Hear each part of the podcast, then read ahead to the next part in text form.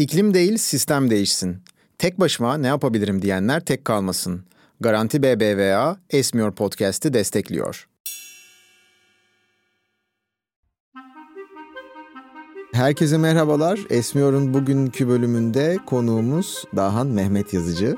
Kendisi bir çevre mühendisi ve aynı zamanda da Turmepa ile birlikte çalışıyor. Bugün aslında birazcık Turmepa neler yapar, Onlardan da bahsedeceğiz tabii kendisini tanıdıktan sonra ve konu konuyu açacaktır. Bilmiyorum nereye gideceğiz aslında. Böyle çok kalıplaşmış bir akışımız yok bugün. Hoş geldin Dahan nasılsın? Hoş bulduk merhabalar. İyiyim gayet iyiyim. Sen nasılsın? Ben de iyiyim çok teşekkürler. Ya ilk sorumuz olarak aslında bunu bazen soruyoruz. Sen bu işe nasıl girdin? Ama bu işe nasıl girdin derken hani orada okudum burada okudum gibi Utku'nun biraz önce söylediği gibi internetten öğrenebileceğimiz şeyler olarak değil de seni başka bir iş yapmaktansa işte veya müzisyen olmaktansa veya petrol mühendisi olmaktansa çevre mühendisi olmaya iten faktörler neydi? Üniversitede rock grubu kurduk ama çok çok iyi gitmeyeceğini görünce çok da yetenekli olmadığımı fark edince bırakıp e, plan B ok, okuluma devam etmeye karar verdim. Gerçek bu arada. Grubun adı neydi? Turay'dı. Turay. Bir de sonra uyanınca unuttum diye bir grup kurduk. Bu yeni nesil ha, e, evet, değişik evet. isimli ilk grubu herhalde bizdik. Yani. Gerçekten mi?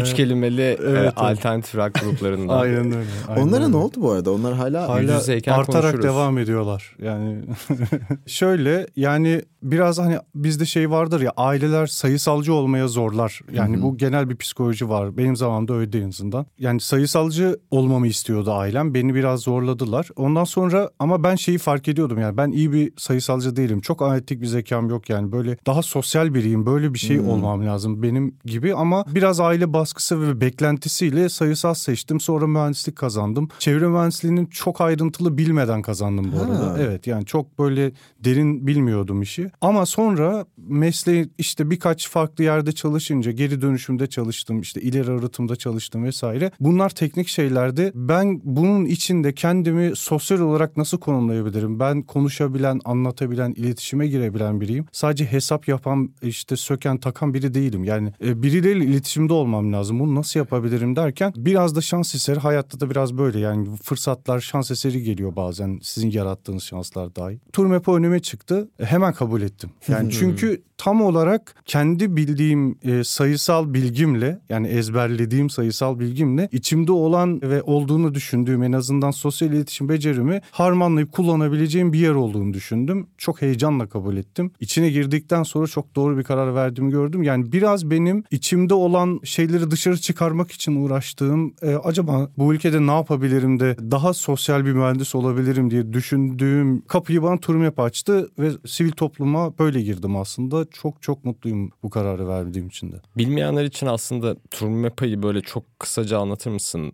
De, az önce dedik hani internetten olan bilgiler değil yani gerçekten Turmepa nasıl oluştu ve ne amaçla oluştu ve ne yapmak istiyor? Ne yapıyorsuna geleceğiz ya aslında ana amacı ne? Hangi gayelerle ve hedeflerle kuruldu ve ona doğru gidiyor? Yani 28 yıl önce Sayın Rahmi Koç tarafından kurulmuş bir dernek. O zamanlar bu kadar popüler bir çevre, iklim, kirlilik gibi şeyler masada olan konular değildi. Onlar o zaman ışıltılı, sevimli konulardı sadece. O zaman kurulmuş hem kendisinin hem de bunu derneği kuranların aslında deniz sevgisiyle kurulmuş bir dernek ama sonradan çok büyük bir misyon edindiğini düşünüyorum. Çünkü spesifik bir çalışma alanı var. Yani denizlere yönelik bir çevrecilik var ya. O yüzden hemen farklılaşmış. Zaten kurumsal bir altyapı da var ellerinde. Dolayısıyla ilerlemiş. Buradaki yani en büyük Turmepa ile ilgili söyleyebileceğim şey en büyük amaç kirletmemeyi öğretmek Turmepa'da. Hmm.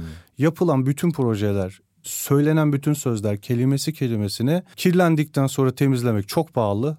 Hangi teknolojiyi kullanırsanız kullanın çok pahalı. Ama kirletmemeyi öğretmek neredeyse bedava ve çok yani 28 yıl olmuş. İşte 8,5 milyon kişi eğitim vermiş Turmepa. Daha da fazlasını yapmalı. Çünkü kirletmemeyi öğrenince gerçekten çok büyük bir adım atılıyor. Ya da atılacak hem ülkede hem dünyada. Turmepa'nın genel mantığı bütün yaptığı projelerin özeti aslında kirletmemeyi öğretmek. Hmm. Yani dışarıdan bakınca çünkü şey de çok var. Toplamaya ilişkin çalışmalar da tabii gemilerle vesaire yapıldığı için o da çok dikkat çekiyor ama kirletmemenin dünyadaki boyutu ve nasıl ne kadar başarılı olup olmadığımızı da soracağım ama Denizde bir de şey de var galiba hani mühendislik açısından baktığımız zaman şöyle bir tehlike var. Toprakta yığıntı yaptığın zaman altlarda işte hiç güneşi görmeyen e, şeyler oluyor ama denizde bütün deniz yüzeyini kapladığı için o plastik hı hı. yani direkt güneş ışınlarına çok maruz kalıyor ve çok daha kolay parçalanıyor. Dokunduğun anda zaten ayrılmaya başlıyor ve çok daha hızlı bir biçimde mikroplastiğe dönüşüyor. Ve bütün okyanusta tek bir tane bir parçadan oluştuğu ve akıntılar olduğu için çok kolay biçimde de dağılıyor. Evet, yani aynen öyle. Çok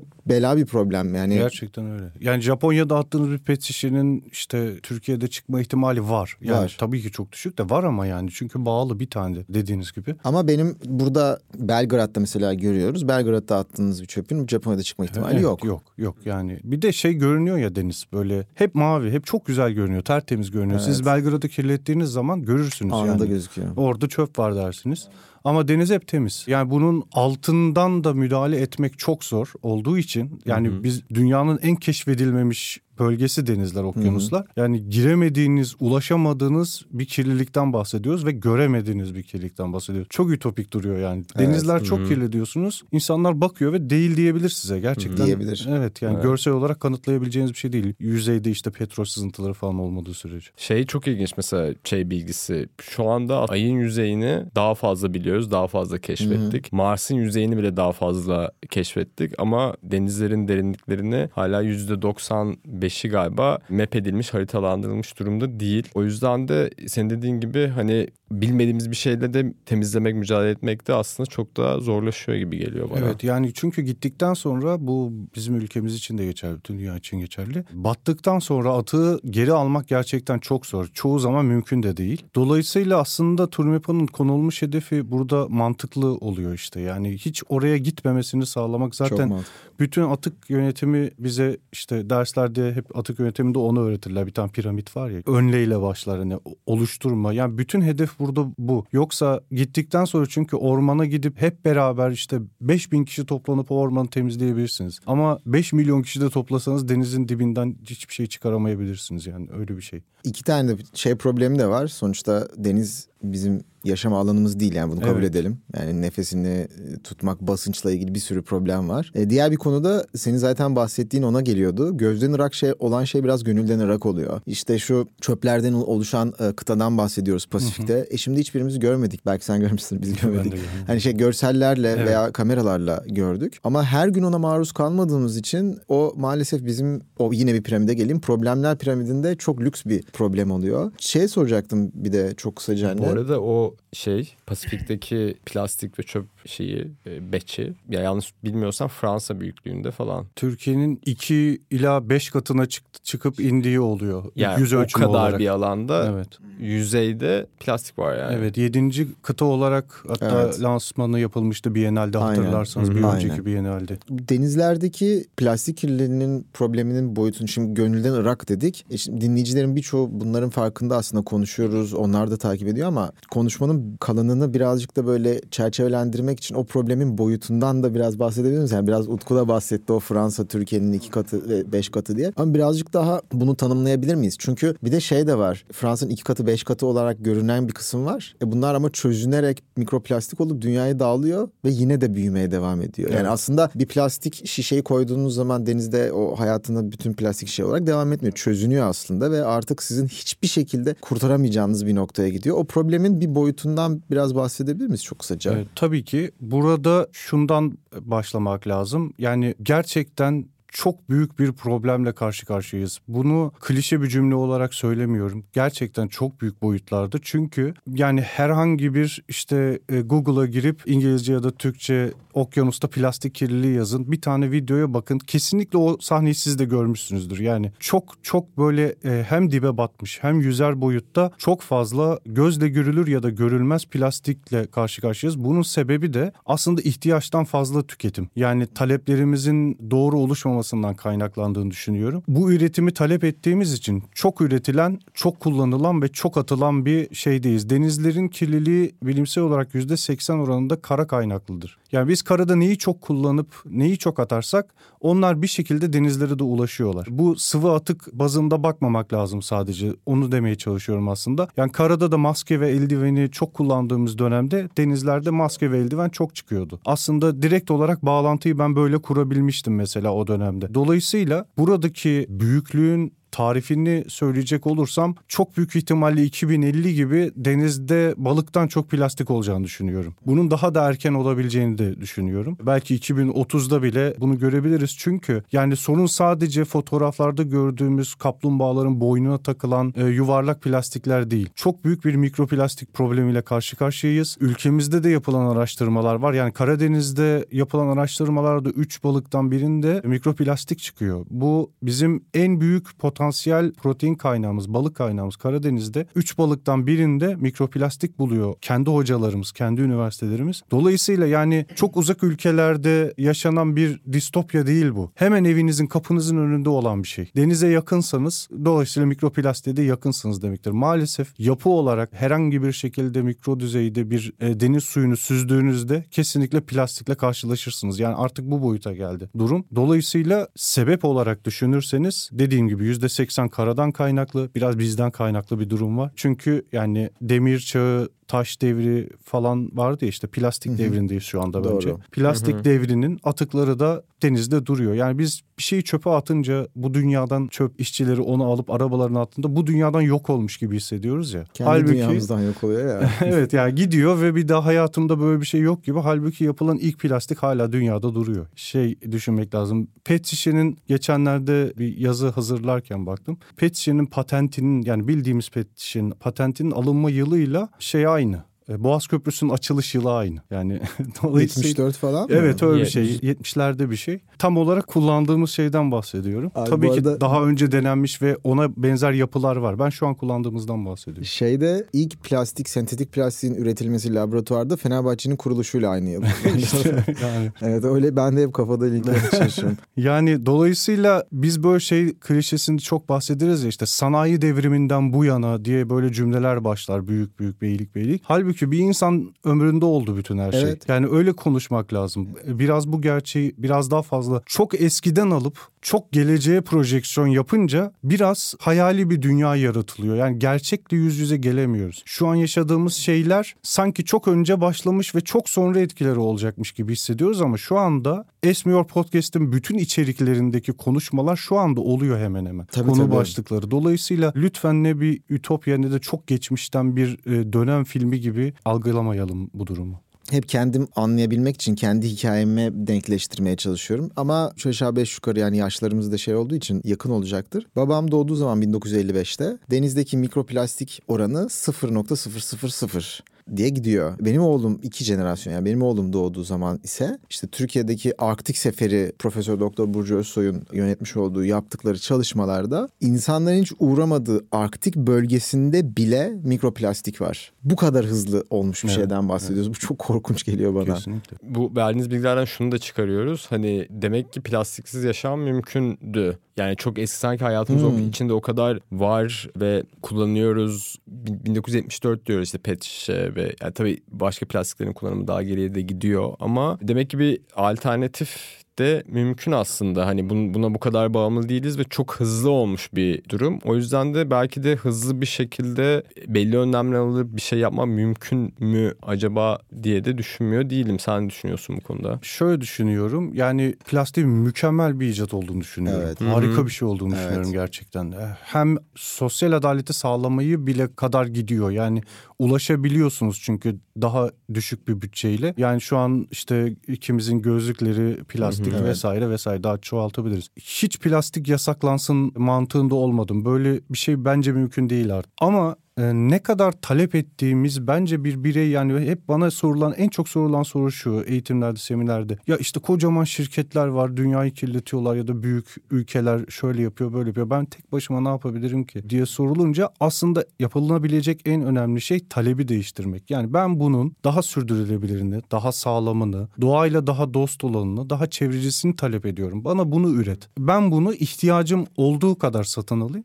ihtiyacım kadar kullanayım. Bu işte gerçek ideal çözüm bu. Yani bizim ne kadar ihtiyacımız varsa neye ihtiyacımız varsa onu kullanıp ama onun da gerçekten doğayla dost ve bizi iki nesilde bu hale gelecek bir dünyanın içinde bırakmayacak şekilde üretilmesi. Yani ben çözümün bu olduğunu düşünüyorum. Çünkü bu noktadan sonra plastiksiz bir yaşamı en azından benim hayal gücüm yetmiyor. Yani nasıl yapacağız diye Ya tabii şeyi ayırmak gerekiyor. Tek kullanımlık plastikler evet, normal evet, plastikleri. Konuda... Bir de o dediğin çok doğru. Yani işte diyoruz ya işte doğada 500 senede çözülüyor. Hani hı hı. 500 sene dayanan bir üründen bahsediyoruz aslında. Hani bir yandan da öyle bir yanı var o ya. O kadar yani, güzel. Yani aslında iyi tasarlasan ve dediğin gibi kullanımını ve tasarımını bir ömürlük kullanabilecek ürünler şeklinde geliştirirsen inanılmaz bir icat ve hani doğaya da yararlı olabilecek bir yanı da var. Ama ya ben şey kısmında kalıyorum burada. Hani hem tek kullanımlık plastikler hem de işte şişe meselesi özellikle işte şişe dolum işinde olan ve genel olarak bunun geri dönüşümünü başka otoritelere aktarmış olan hani aslında yapılar, şirketler onların o yani böyle işte iki kuşakta hani bizi böyle tamamen tüketime doğru götürmesi o biraz Konu rahatsız edici. Şu an. Hani evet, bilmiyorum hani bu hoşlandı bir şeyler oluyor. Evet, yani hani çünkü tabii çünkü şey dedi hani kirletmemeyi öğretmeden bahsettin Turmepa ile birlikte hani aslında ya bu da çok büyük bir alan değil mi? Hani öyle bir farkındalığı geliştirmek ve işte o büyük kirleticiler diyeyim o büyük kirleticilerden hani aslında bunu artık talep etmemek. Yani şey gibi değil hani ben yine o şişedeki içeceği alıyorum ama doğaya atmıyorum demek değil de ben o şişedeki içeceği artık istemiyorum diyebilmek ya da, ya o da bu şişeyi istemiyorum. Bu şişeyi istemiyorum hmm. demek. Depozitolu istiyorum diyebilmek ya, ya da, da yani bunu da evet ya burada tabii şey de var. Hem bireysel olarak istememek hem de bir yandan da aslında biraz politika yapıcıları e, zorlayıp böyle regülasyonlar geliştirmesine işte yasaklama değil ama belki bir regülasyonla onları baskılamak gerekmiyor mu? Ama burada şunu da unutmamak lazım. Sistemik olarak özellikle bu tarz yani demokrasinin çok güzel tarafları var ama bir de şu da var. Seçimle gelen ekipler olduğu zaman biz nasıl oy veriyorsak isimleri de verelim. İşte Coca-Cola, PepsiCo, Nestle onların o politikacılar üzerindeki gücü bizim hepimiz yani seçildikten sonra zaten işler tekrar maalesef eski hale gelebiliyor. Yani onun da vermiş olduğu acayip bir çıkmaz var. Yani biz mesela o yüzden hani COP'a gittiğimiz zaman hep şey söylüyoruz. Okey %97 devleti var burada ama günde her dört insandan bir tanesine şişe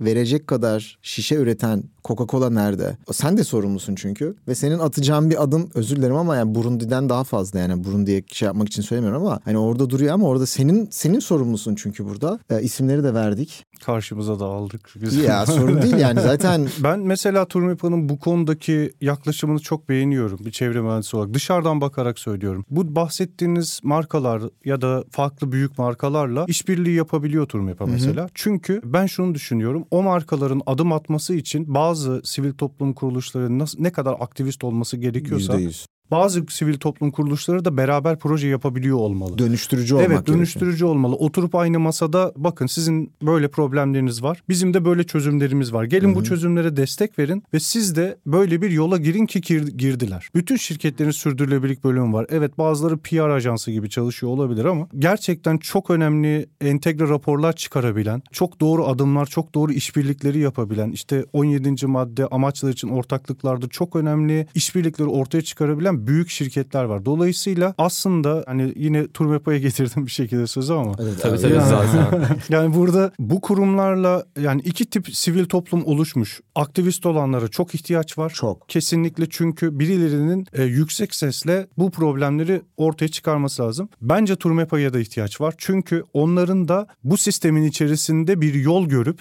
o yoldan ilerlemesini de sağlamak lazım. Beraber el ele tutuşup gel seni çok güzel bir yoldan götüreceğim. Burası daha güzel. Gel buradan gidelim. Diyaboli olmak lazım. Yani hangileriyle çalıştık bu zamana kadar tam olarak ezbere bilmiyorum. Ama bu firmaların bazılarıyla çalıştık, işbirliği yaptık ve projeler çok çok ileri adım atacak projelerde. Türkiye'de üretilen %50'si geri dönüştürülmüş ilk pet şişe projesine e, biz mesela Hayat Su ile beraber ortak girmiştik. Çünkü biliyorduk biz bilmiyor muyuz yani pet şişe projesinde çevre derneği olur mu? Psikolojisiyle... Aslında onun olması lazım. Evet ama aynen öyle. Ben de öyle düşünüyordum. Yani görüşüm sorulduğunda yöneticilerim tarafından dedim ki bu adımın içerisinde bence olmalıyız. Siz karar verirsiniz tabii ki ama çünkü bu yüzde 50 ile başlayacak. Bir gün yüzde 100 olacak. Bunun yüzde 100 olması için sadece sert tepki göstermek değil, o yolu göstermek, o yolda ona eşlik etmek de gerektiğini düşünüyorum.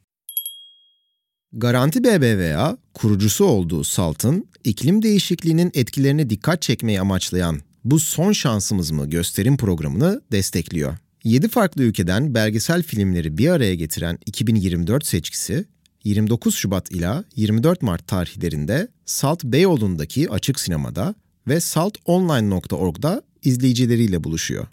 Gösterimleri kaçırmayın. Detaylı bilgi için saltonline.org'u ziyaret edebilirsiniz. Ya kesinlikle bu arada şey de değil hani işte onların üretimini yasaklayalım, fabrikalarına mühür vurulsun gibi değil. Ama hani işte orada bir şey sorumluluk paylaşımı hani onların senin dediğin masada işte, olması. Masada ol ve hani senin ne sorumluluğun var? Sanki hani ben ben üretiyorum, tüketici oluyor. Tüketici onu içiyor ve tüketici kirletiyor gibi ama aslında tüke, orada tüketici kirletmiyor. Yani senin onlara koyduğun sistem içinde yapacak başka alternatif olmadığı için bu yolu seçmek zorunda kalıyor. Ve ya bilmiyorum çok büyük bir katkısı vardır herhalde deniz kirliliğine hani bu ya bu şey olarak isim olarak demiyorum bu tarz tüketimin yani plastik çok büyük bir sorun dedin ya hani oradan yola Şöyle çıkarak. söyleyeyim 70'lerin sonundan bu zamana kadar üretilmiş plastiklerin ortalama geri dönüşüm oranı %9 ve o dönemden bu zamana kadar dikkat edin sanayici yani plastik üreten ya da farklı bir şey üreten herkes geri dönüşümü özendirir toplumu. Çünkü şöyle bir psikoloji oluşturur. Siz kullanın biz onu sonra halledeceğiz yani geri dönüştüreceğiz biz onu. O yüzden yani atık piramidinden bahsettim. Önle azalt tekrar kullan var mesela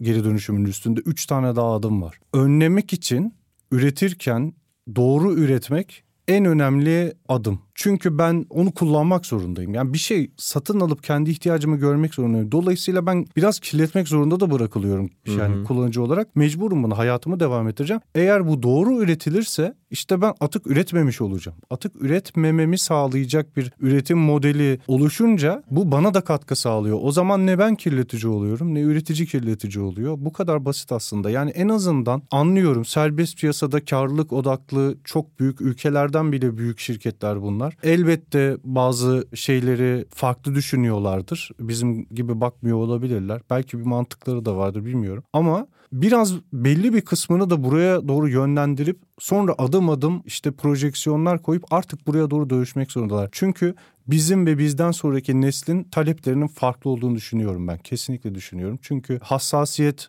Dediğim gibi 90'larda Turmepa kurulduğunda çevre hassasiyeti sadece sevimli bir hobi gibi duran bir şeyken şu anda bir politikacının yeşil dönüşümle ilgili ne yapacağını kesinlikle söylemesi gerekiyor mesela e, bu nesilden oy alması için. Çünkü ortada bir atıyorum yeşil mutabakat var biz buna nasıl uyum sağlayacağız diyor sanayici de soruyor. Üretici de merak ediyor. Bunun için bir politikan var mı? Hı-hı. Çünkü buna uyum sağlamazsak ben fazladan vergi ödeyeceğim diyor. Hı-hı. Dolayısıyla Hı-hı. benim buna uydurman lazım. Yani konuyu çok dağıtmadan şöyle söyleyeyim. Artık daha iyi üreten, daha iyi tüketen ve daha iyi talep eden insanlara ihtiyacı var dünyanın. Çünkü vakti kalmadığını düşünüyorum. Buradan sonra bizlerin çocukları yani bizden hesap sorma hakkına sahip olacak çünkü. Barack Obama'nın bir cümlesi var ya konuşmasında şey diye. E, belki bu hale getiren ilk nesil biz değiliz ama e, muhtemelen kurtaracak son nesil biziz diye. Gerçekten öyle bir durumdayız. Bu genel bir mantaliteyle de alakalı aslında bakarsak. Yani uzaya gittiğimiz zaman da şimdi neden aklıma geldi bilmiyorum uzayda da kirlilik problemi var. İşte ormanda da var, denizde de var. Yani zihinsel bir dönüşüm de ihtiyacı çok önemli. Yani o, o şey söylemek istiyorum ama döngüsellik konseptini yani biz aslında döngüsel ekonomi diye bir şey bulmamamız gerekiyordu. Ekonomi zaten döngüsel olmalıydı. Diğerinde döngüsel olmayan ekonomi. Yani hmm. o zihinsel dönüşüm çok önemli. Bu arada şeyden bahsettik. Başka projelerden. Garanti BBVA ile de yaptığınız bir proje var. Ondan da çok kısaca bahsedebilir miyiz? Tabii ki. Şöyle müsilaj olayı olduktan sonra sonra Marmara Denizi'nde Garanti BBVA ile beraber yani biz aslında şöyle başlayayım. Müsilaj olayı olduktan sonra Çevre Şehircilik İklim Değişikliği Bakanlığı bir kurul oluşturdu. Marmara Denizi Eylem Planı Koordinasyon evet. Kurulu. Biz de o kurulda yer alıyoruz Turmepo olarak. Burada farkındalık, eğitim gibi konuların sorumluluğu bize verildi. Dolayısıyla biz de bir proje oluşturduk. Bu projeyi Garanti'ye götürdük ve Garanti hemen destek verdi. Hatta büyüterek destek verdi öyle söyleyeyim. Yani çok güzel bir şekilde arkamızda durdular. Projenin ayrıntılarına gelince öncelikle iki tane deniz süpürgesi İstanbul Boğazı'nda sürekli dolaşarak deniz yüzeyindeki atıkları toplayıp mümkün olanları geri dönüşüme kazandırıyor. Mümkün olmayanları bertarafa gönderiyor. Bunun dışında Marmara Denizi'ne kıyısı olan şimdi kirletmemeyi öğretmek kısmına geliyor proje. E, Marmara Denizi'ne kıyısı olan 7 ilde belirlenen öğrencilere sürekli sıfır atık mavi, denizler, deniz kirliliği, çevre, iklim değişikliği gibi konularda eğitimler yapılıyor ücretsiz bir şekilde okullara çevrim içi eğitimler yapılıyor. Bunun dışında bir de e, Mavi Nefes eğitim otobüsümüz var. Bu bahsettiğim 7 ilin merkezi noktalarına gidip orada durup orada kodlama ve beceri geliştirme atölyeleriyle deniz kirliliğini ve işte çevreciliği öğreten projeler yapıyorlar, eğitimler alıyorlar çocuklar otobüsün içinde. E, bunların tamamında Garanti BBVA bize destek oldu ve proje oturup işte birkaç kişi böyle masalarda oluşturduğumuz proje o destekle çok güzel bir noktaya geldi. Belki Turmepa'nın bu zamana kadar yaptığı ilk üç proje içindedir. Belki en iyisidir kimlerimize göre. Dolayısıyla yani çok memnunuz. Şu anda hala devam ediyor. İşte bazı illeri bitirdik. Kocaeli'de başladık. Diğer illere doğru gidiyoruz. Üçüncü yılın sonunda da son illerimizi de bitirip projede yanlış hatırlamıyorsam 60 bin öğrenciye ulaşmak gibi bir hedefimiz var. Bunun yanında öğretmenlere de eğitim veriliyor bu arada. Yani öğretmenler de bundan sonra kendi derslerini verirken Turmepa'dan uzmanlarından aldıkları bilgilerle o dersleri versinler. Çünkü evet müfredata iklim değişikliği, çevre konuları katılıyor ama bunları anlatacak niteliğe öğretmenlerin de getirilmesi lazım. Bu konuda Milli Eğitim Bakanlığı'nın mesela EBA gibi ÖBA'da var. Öğretmenler de girip oradan eğitim alıyorlar. Mesela biz oraya da içerik hazırladık. Yani öğretmenler girsin ne anlatacaklarını oradan da görsünler diye. Çünkü dediğim gibi eğiticinin eğitimi belki de çocuğun eğitiminden bir kat daha, daha önemli. önemli. Çünkü o çocuklar gidecekler, başkaları gelecekler. Her nesile o bilgi verildikçe ancak öyle işte kirletmeme kısmını öyle oturtabiliriz diye düşünüyorum. Mavi Nefes projesi genel olarak böyle anlatabilirim. Biraz Peki bu devam eden bir proje mi? Yani evet. müsilaj da bitmedi aslında. Bitmedi değil mi? E, uzmanlar şu anda hani görünürde bir şey yok ama evet. e, aslında deniz dibinde hala var. Bazı dönem artıyor galiba sıcaklığa göre yanlış bilmiyorsam. Yani aslında sadece müsilajla da bağlantılı değil. Hani müsilajla devam ettiği gibi aslında bu denizlere denizler konusunda farkındalık yaratma ihtiyacı da devam edecek yani bu bitecek bir durum değil. Kesinlikle şöyle çünkü dünyada üretilen oksijenin %50 ila %70'i okyanuslardan denizlerden geliyor. Aslında biz dünyanın akciğerleri aslında tam olarak ormanlar diyemeyiz. Yani okyanuslar denizler daha fazla oksijen üretiyorlar. Yani biz hep bu cümleyi kullanıyoruz işte aldığımız iki nefesten birini denizlerimiz sağlıyor diye. Hı hı. Dolayısıyla deniz kirliliği denizin önemi biraz hayati. Eğer çevreci ya da duyarlı insanlar değilseniz bencil insanlarsanız da kendiniz için denizlere iyi bakmanız gerekiyor. Çünkü yani yaşamın devamlılığıyla direkt doğrudan bağlantılı. Yani karbon emisyonların üçte birini tutuyor. Atık ısının yüzde doksandan fazlasını tutuyor okyanuslar. Dolayısıyla bir projeyle tabii ki sonlandırarak artık Marmara temiz demek kesinlikle mümkün değil. Bir alışkanlık gibi, göz bebeği gibi bakmamız lazım. Bazı bilim insanları Marmara Denizi'ne astımlı doğmuş çocuk diyorlar. Zaten yani sıkışık, sıkışık hmm. yapısı gereği çok hmm. devinimi olmayan, oksijen miktarları belli bir miktarda olan bir deniz ve buranın etrafında tam 25 milyon kişi yaşıyor. 25 milyon kişi sadece elini yüzünü yıkasa bu deniz çok zor kaldırır ki biyolojik arıtma oranlarımız %50'nin altında Marmara bölgesinde. Dolayısıyla elinizi yüzünüzü yıkadığınızda sabah Asa Marmara denizini kirletmeye başlıyorsunuz gibi çok yani tam olarak bilimsel Hı-hı. bir şey olmayan bir cümle kurabilirim. Ha, arıtma meselesi ne durumda diye ben sormak istedim aslında. Hani Marmara çünkü bunu konuşmuştuk. De. Sen ne biz Brandvik'te de yine Garanti BBV ile birlikte bir araya gelmiştik. O zaman bu arıtma meselesinde biraz değinmiştik diye hatırlıyorum. Çünkü tam olarak sen bu Marmara Denizi etrafına ne kadar baskı olduğunu, hani sanayi ve yaşam yani konutlar ve işte normal ev atığı gibi şeyler. Hani orada yani ben hep böyle bu, bu konularda şey yapıyorum. Hani en iyisi olsun tabii ki istiyorum. En iyisi de bazen de en masraflısı oluyor ve bazen de bunun böyle projelendirilmesi ve belki uzun yıl alması gerekiyor. Ama orada karşılaşmam genelde hani bu işi iyi yapan ülkelerle genelde oluyor. Yani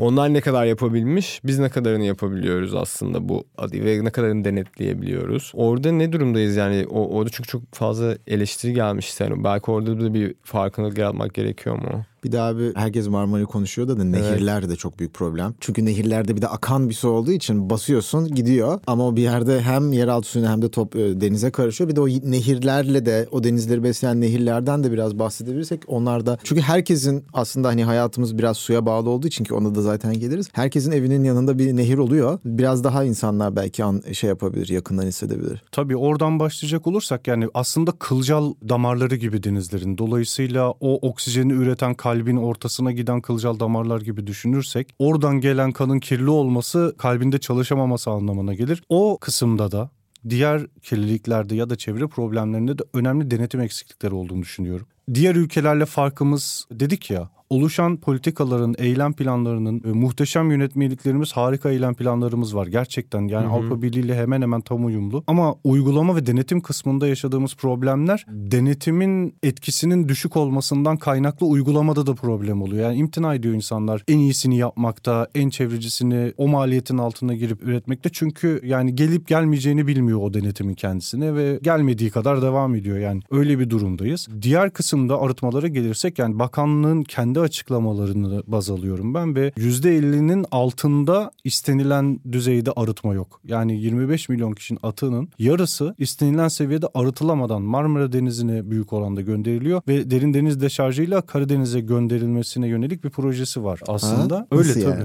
yani akıntıyla. Ha, orası biraz daha büyük oraya gönderelim mi diyoruz? Ya aslında bu çok yani bilimsel olmayan bir yöntem değil. Ha, Dünyanın okay, her yerinde hemen hemen belli. Ama e, nasıl çalışıyor? Müsilaj oluyor yani. çok zor bir şey. Boğazı geç geçmesi gerekmiyor mu? İşte kere? çok dar kanallardan Marmara Denizi'de çok mantıklı mı bu doğru değil. Yani bizim bir metin yayınladık hemen olur olmaz. Neden olduğu, neler yapılması lazım gibi. Orada mesela ilk maddemiz şeydi. Derin deniz deşarjları hemen durdurulsun. Kaldıramıyor demek ki Marmara. Bu proje yanlıştır demiyorum. Yani Hı-hı. belki bazı dünyanın birçok yerinde yapılan bir şey. Belki bazı yerlerde yapılıyordur. Yapılmalıdır. Hı-hı. Bilemiyorum. Bunu yani projesini görmem lazım. Öyle diyeyim Hı-hı. size. Ama demek ki Marmara kaldırmıyor. Biz bunu hep beraber fiziksel olarak gördük. Demek ki bu azot fosfor ağırlıklı atık Marmara Denizi tarafından giderilemiyor. Kendi biyoçeşitli ekosistem içerisinde bu döngü sağlanamıyor. Demek ki bu yükü oradan almamız gerekiyor. Bunu neyle yapabiliriz? Yine teknolojiyle yapabiliriz. Yani ileri biyolojik arıtım dediğimiz şey bir mucize değil bu arada. Yani inanılmaz, hiç bilinmeyen, acayip, sadece pahalı ve projesini yapmak için büyük bir alana ihtiyacınız var. Belediyelerin mesela İstanbul'un, Kocaeli'nin, Bursa'nın ben bu problemi yaşadığını düşünüyorum. Yani bilmiyorum bunu ama bir tane arıtma tesisiniz var diyelim. Yanında bir şehirleşme oluyor ve siz o arıtma tesisini biyolojik arıtmaya çevirmek için bir şeyler eklemeniz lazım ya. Havuzlarda mı yapılıyor o yüzden mi? Yani bir... Ee, tanklar işte hmm. sıyırıcılar farklı hmm. prosesleri var. Birkaç adımda oluyor. Tek bir şey koyunca değil de. Filtreyle olmuyor yani evet, kısaca. Yok yani o fiziksel bir arıtma hemen hemen hiçbir işe yaramıyor. Ha, kimyasal azot. bir süreç yaratmak kimyasal, lazım. biyolojik yani o azot ve fosfor yani denizdeki pardon denizdeki müsilajın oluşmasına sebep olan organik atıkların okay. oraya hiç gitmeden yine e, bakteriler tarafından tüketilmesi prensibine Hı-hı. dayanıyor aslında. Siz kirliliği yediriyorsunuz ve hiç oraya gitmiyor. Yani istemediğiniz bir yere gitmiyor o atıklar. Aslında hedefiniz, hayaliniz bu oluyor. Yani buna dönüştürmek için hem fizibilite hem yatırım maliyetli ve zor. Bunu anlıyorum ama ihtiyaç var. Bunun başka bir çözümü yok. Bu alanda çok ileri gitmemiz lazım gerçekten. Her denizimizde bu arada. Sadece şeyde de değil yani kanalizasyon sistemi olmayan deniz kıyıları var bu ülkede. Yani foseptik mantığıyla çalışan deniz Nasıl kıyıları yani? var. 2023. Ya tabii Anadolu'nun belli bölgelerinde, köylerde, tarım yapılan alanlarda kanalizasyonun henüz ulaşmadığı, iyi altyapı sistemlerinin olmadığı. Ha, evet evet ben denize vermek anlamında. Deniz ha, yok yok yani foseptik işte çukur açıp oradan tabii, bidonjörle çekiyor. Ya bunun var, var, ama yani 2023 tepkisi bence doğruydu ama evet. artık yani ilerleme kaydetmemiz lazım diye ya düşünüyorum. Bunu anlatırken mesela şu mindset zihinsel dönüşümde bazı insanlarla tartıştığımız zaman ki biz e, farklı görüşten kişilerle de bu konuları konuşmaya da çalışıyoruz. İşte ne var yani? Hani her şey insan tüketimi içindir e, diyen 5 milyar falan insan var şu anda. Bunu kabul edelim yani. Hani şu konuşmayı evet, yapacak insanlar az, azınlıkta. Ve o zaman da şunu söylüyoruz. Yani biz tamam 100 yıl önce olsaydı teknolojik olarak veya network olarak mühendislik olarak bunu yapamayacak bir noktadaydık belki ama şu an yapabiliriz yani. Yani yapmamayı seçiyoruz. Şu an gerçekten onu arıtabilecek noktadayız. O kanalizasyonu götürebilecek noktadayız ve bunu hak ediyoruz ve doğal olarak da hak ediyoruz. Ve burada hiç konuşmadığımız işte o yeraltı sularını mesela konuşamadık ki konuşmayı çok isterdik. O da çok büyük bir problem. O direkt tarım alanlarını etkiliyor. Oradan direkt sen yiyorsun falan. Yani evet, obruklar oluşuyor yani. Şey, evet. Yeraltı sularını çok fazla çektiğiniz için toprak göçüyor yerin altına evet. yani. Şehirler göçüyor. Evet evet. O kadar farklı ilk daha neden seçtiğiniz konusu var ya işte. Evet. O kadar farklı alanlar var ki kendinizi bir zaman sonra süper kahraman gibi hissetmeye başlıyorsunuz. Evet. Çevreyle ilgilenip iyi şeyler yaptıkça. Çünkü direkt olarak yaşama dokunan ve eğer bir sorunu çözdüyseniz oradaki bütün yaşamı olumlu etkilediğiniz bir e, meslekle uğraşıyorsunuz. Aslında siz de biz de. Yani en son şu an okumakta olduğum kitapta iklim değişikliğinin edebiyata olan etkileri ve edebiyatın içinde neden olmadığını sorgulayan bir kitap var mesela. Yani şu an bu konunun konuşuluyor olması o kadar önemli ki çünkü medyanın ya da yeni alternatif medyanın dinleyicileri tarafından sizden üretilen içerikler onların hayatları boyun yani hayatların içine karışıyor. Dolayısıyla evet. bütün çözümlerin hayatımızın içine karışması lazım. Biz eğer kitaplarda iklim değişikliğini bir bilim kurgu kitabında görürsek bu doğru çözüme ulaşmamızı engelleyecek. Biz normal hayatı anlatan bir kitabın içinde iklim değişikliğini görmeliyiz. Bugün 20 Ocak ve ceketle dışarıda dolaşabiliyoruz. E demek ki bilim kurgu değil bu. Dolayısıyla çok önemli sivil toplum da bu tip medyada ben o yüzden yani bir sivil toplum kuruluşu olarak çok müteşekkirim. Çok teşekkür ediyorum yaptıklarınıza. Biz de biz de size teşekkür ediyoruz bu arada. Hem Turmepa'ya hem de ben şahsen sana teşekkür etmek istiyorum.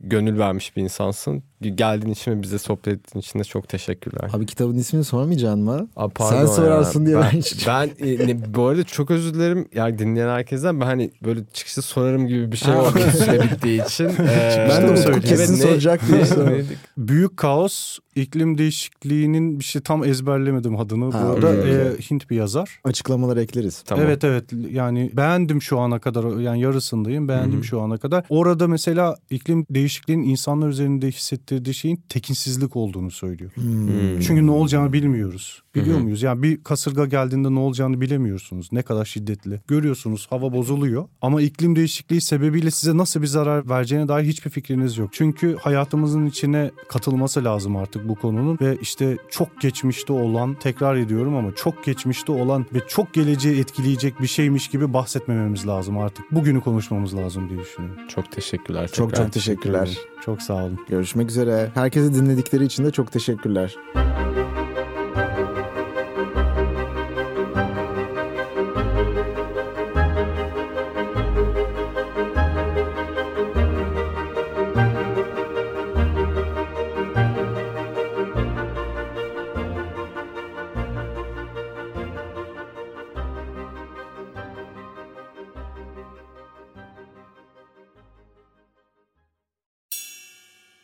İklim değil sistem değişsin.